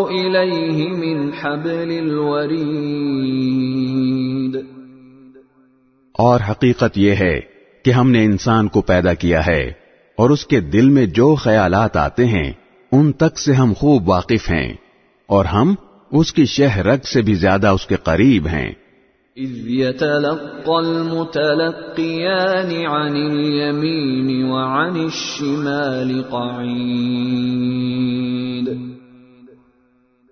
بھی جب اعمال کو لکھنے والے دو فرشتے لکھ رہے ہوتے ہیں ایک دائیں جانب اور دوسرا بائیں جانب بیٹھا ہوتا ہے ما يلفظ من قول إلا لديه رقيب عتيد انسان کوئی لفظ زبان سے نکال نہیں پاتا مگر اس پر ایک نگرام مقرر ہوتا ہے ہر وقت لکھنے کے لیے تیار وجاءت سكرة الموت بالحق ما كنت منه تحید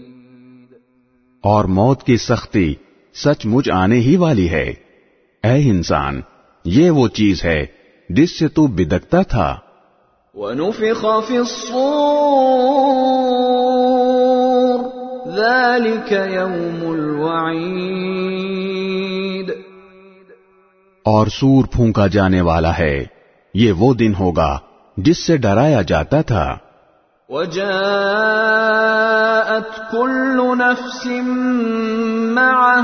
سائق وشهيد اور ہر شخص اس طرح آئے گا کہ اس کے ساتھ ایک ہانکنے والا ہوگا اور ایک گواہی دینے والا من هذا عنك غطاءك فبصرك اليوم حقیقت یہ ہے کہ تو اس واقعے کی طرف سے غفلت میں پڑا ہوا تھا اب ہم نے تجھ سے وہ پردہ ہٹا دیا ہے جو تجھ پر پڑا ہوا تھا چنانچہ آج تیری نگاہ خوب تیز ہو گئی ہے وقال قرينه هذا ما لدي عتيد اور اس کا ساتھی کہے گا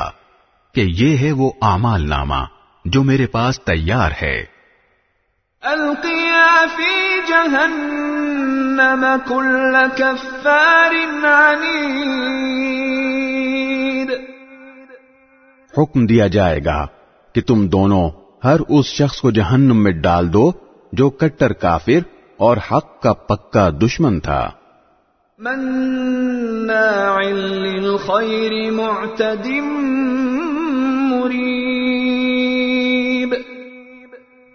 جو دوسروں کو بھلائی سے روکنے کا عادی بے حد زیادتی کرنے والا اور حق بات میں شک ڈالنے والا تھا الذي جعل مع الله إلها آخر فألقياه في العذاب الشديد جس نے اللہ کے ساتھ کسی اور کو معبود بنا رکھا تھا لہذا اب تم دونوں اسے سخت عذاب میں ڈال دو قال قرينه ربنا ما أطغيته ولكن كان في ضلال بعيد اس کا ساتھی کہے گا کہ اے ہمارے پروردگار میں نے اسے گمراہ نہیں کیا تھا بلکہ یہ خود ہی پرلے درجے کی گمراہی میں پڑا ہوا تھا قال لا تختصموا لدي وقد قدمت بالوعيد اللہ تعالی کہے گا کہ تم میرے سامنے جھگڑے نہ کرو اور میں تو پہلے ہی تمہارے پاس عذاب کی دھمکی بھیج چکا تھا ما يبدل القول لدي وما بظلام للعبيد میرے سامنے وہ بات بدلی نہیں جا سکتی اور میں بندوں پر کوئی ظلم کرنے والا نہیں ہوں نقول هل امتلأت وتقول هل من مزید وہ وقت یاد رکھو جب ہم جہنم سے کہیں گے کہ کیا تو بھر گئی اور وہ کہے گی کہ کیا کچھ اور بھی ہے وَأُزْلِفَتِ الْجَنَّةُ لِلْمُتَّقِينَ غَيْرَ بَعِيدٍ اور پرہیزگاروں کے لیے جنت اتنی قریب کر دی جائے گی کہ کچھ بھی دور نہیں رہے گا هذا ما توعدون لكل أواب حفيظ اور کہا جائے گا کہ یہ ہے وہ چیز جس کا تم سے یہ وعدہ کیا جاتا تھا کہ وہ ہر اس شخص کے لیے ہے جو اللہ سے خوب لو لگائے ہوئے ہو اور اپنی نگرانی رکھنے والا ہو من خشی الرحمن بالغیب وجاء بقلب منیب جو خدا رحمان سے اسے دیکھے بغیر ڈرتا ہو اور اللہ کی طرف رجوع ہونے والا دل لے کر آئے ادخلوها بسلام ذلك يوم الخلود تم سب اس میں سلامتی کے ساتھ داخل ہو جاؤ وہ دن ابدی زندگی کا دن ہوگا ما يشاءون فيها ولدينا مزید ان جنتیوں کو وہ سب کچھ ملے گا جو وہ وہاں چاہیں گے اور ہمارے پاس کچھ اور زیادہ بھی ہے وَكَمْ أَهْلَكْنَا قَبْلَهُمْ مِنْ قَرْنٍ هُمْ أَشَدُّ مِنْهُمْ بَطْشًا فَنَقَّبُوا فِي الْبِلَادِ هَلْ مِنْ مَحِيصٍ اور ان مکے کے کافروں سے پہلے ہم کتنی ہی قوموں کو ہلاک کر چکے ہیں جن کی طاقت پر گرفت ان سے زیادہ سخت تھی چنانچہ انہوں نے سارے شہر چھان مارے تھے کیا ان کے لیے بھاگنے کی کوئی جگہ تھی ان فی لمن له قلب او السمع وهو یقیناً اس میں اس شخص کے لیے بڑی نصیحت کا سامان ہے جس کے پاس دل ہو یا جو حاضر دماغ بن کر کان دھرے وَلَقَدْ خَلَقْنَا السَّمَاوَاتِ وَالْأَرْضَ وَمَا بَيْنَهُمَا فِي سِتَّةِ أَيَّامٍ وَمَا مَسَّنَا مِن لُّغُوبٍ اور ہم نے سارے آسمانوں اور زمین کو اور ان کے درمیان کی چیزوں کو چھ دن میں پیدا کیا اور ہمیں ذرا سی تھکاوٹ بھی چھو کر نہیں گزری اصبر على ما يقولون وسبح بحمد ربك قبل طلوع الشمس وقبل الغروب لہذا اے پیغمبر جو کچھ یہ لوگ کہہ رہے ہیں تم اس پر صبر کرو اور اپنے پروردگار کے حمد کے ساتھ تسبیح کرتے رہو سورج نکلنے سے پہلے بھی اور سورج ڈوبنے سے پہلے بھی وَمِنَ اللَّيْلِ فَسَبِّحْهُ وَأَدْبَارَ السُّجُودِ اور رات کے حصوں میں بھی اس کی تسبیح کرو اور سجدوں کے بعد بھی وَاسْتَمِعْ یوم ينادي المناد من مكان قريب اور ذرا توجہ سے سنو جس دن ایک پکارنے والا ایک قریبی جگہ سے پکارے گا یوم يسمعون الصيحة بالحق ذلك يوم الخروج جس دن لوگ سچ مچ اس پکار کی آواز سنیں گے وہ قبروں سے نکلنے کا دن ہوگا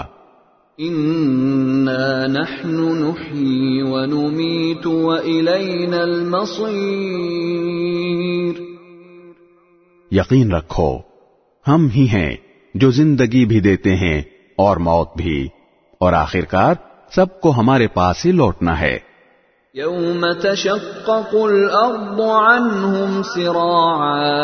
ذلك حشر علينا يسير اس دن جب زمین پھٹ کر ان کو اس طرح باہر کر دے گی کہ وہ جلدی جلدی نکل رہے ہوں گے اس طرح سب کو جمع کر لینا ہمارے لیے بہت آسان ہے نحن اعلم بما يقولون وما انت عليهم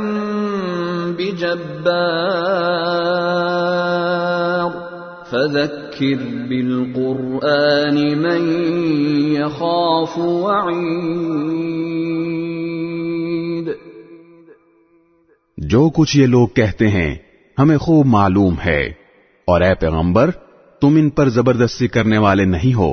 لہذا قرآن کے ذریعے ہر اس شخص کو نصیحت کرتے رہو جو میری وعید سے ڈرتا ہو بسم اللہ الرحمن الرحیم شروع اللہ کے نام سے جو سب پر مہربان ہے بہت مہربان ہے والذاریات ذروا قسم ہے ان ہواؤں کی جو گرد اڑا کر بکھیر دیتی ہیں فالحاملات وقرا پھر ان کی جو بادلوں کا بوجھ اٹھاتی ہیں تلجری پھر ان کی جو آسانی سے رواں دواں ہو جاتی ہیں امرا پھر ان کی جو چیزیں تقسیم کرتی ہیں انما لصادق کہ جو وعدہ تم سے کیا جا رہا ہے وہ یقینی طور پر سچا ہے وَإِنَّ الدِّينَ نوا اور اعمال کا بدلہ یقیناً مل کر رہے گا وَالسَّمَاءِ ذَاتِ تل قسم ہے راستوں والے آسمان کی انکم لفی قول مختلف کہ تم متضاد باتوں میں پڑے ہوئے ہو عنه من افک اس آخرت کی حقیقت سے وہی منہ موڑتا ہے جو حق سے بالکل ہی مڑا ہوا ہے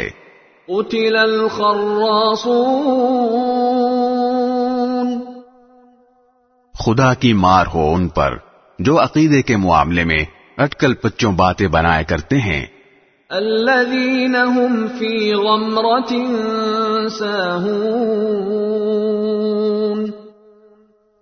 جو غفلت میں ایسے ڈوبے ہیں کہ سب کچھ بھلائے بیٹھے ہیں یس الدی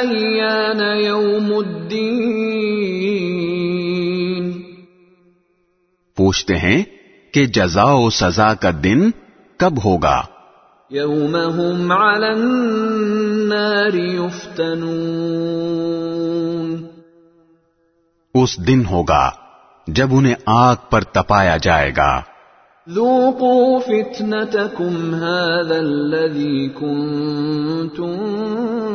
به تستعجلون کہ چکھو مزہ اپنی شرارت کا یہی ہے وہ چیز جس کے بارے میں تم یہ مطالبے کرتے تھے کہ وہ جلدی آ جائے ان المتقین فی جنات وعیون متقی لوگ بے شک باغوں اور چشموں میں اس طرح رہیں گے آخذین ما آتاہم ربهم انہم قبل محسنین کہ ان کا پروردگار انہیں جو کچھ دے گا اسے وصول کر رہے ہوں گے وہ لوگ اس سے پہلے ہی نیک عمل کرنے والے تھے من الليل ما يهجعون وہ رات کے وقت کم سوتے تھے هُمْ يَسْتَغْفِرُونَ اور سحری کے اوقات میں وہ استغفار کرتے تھے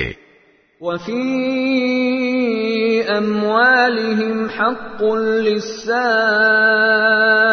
وَالْمَحْرُومِ اور ان کے مال و دولت میں سائلوں اور محروم لوگوں کا باقاعدہ حق ہوتا تھا وفیل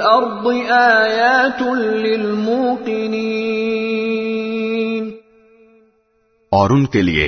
جو یقین کرنے والے ہوں زمین میں بہت سی نشانیاں ہیں وسیم اصل افلا تبصرون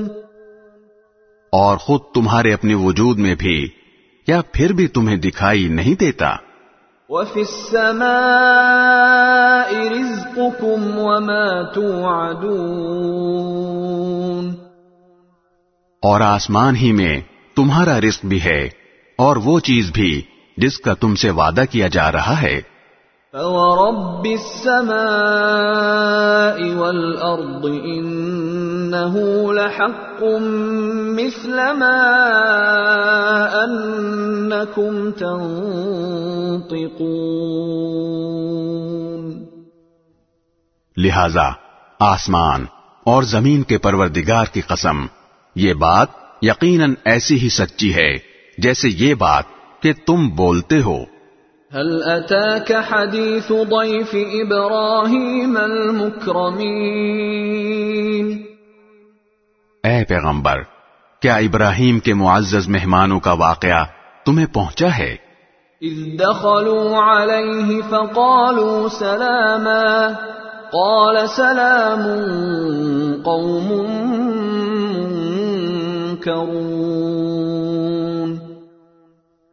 جب وہ ابراہیم کے پاس آئے تو انہوں نے سلام کہا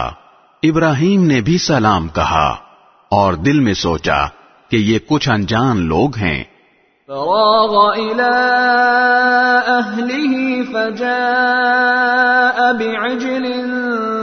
سمین پھر وہ چپکے سے اپنے گھر والوں کے پاس گئے اور ایک موٹا سا بچڑا لے آئے بہ قال کو کھول اور اسے ان مہمانوں کے سامنے رکھا کہنے لگے کیا آپ لوگ کھاتے نہیں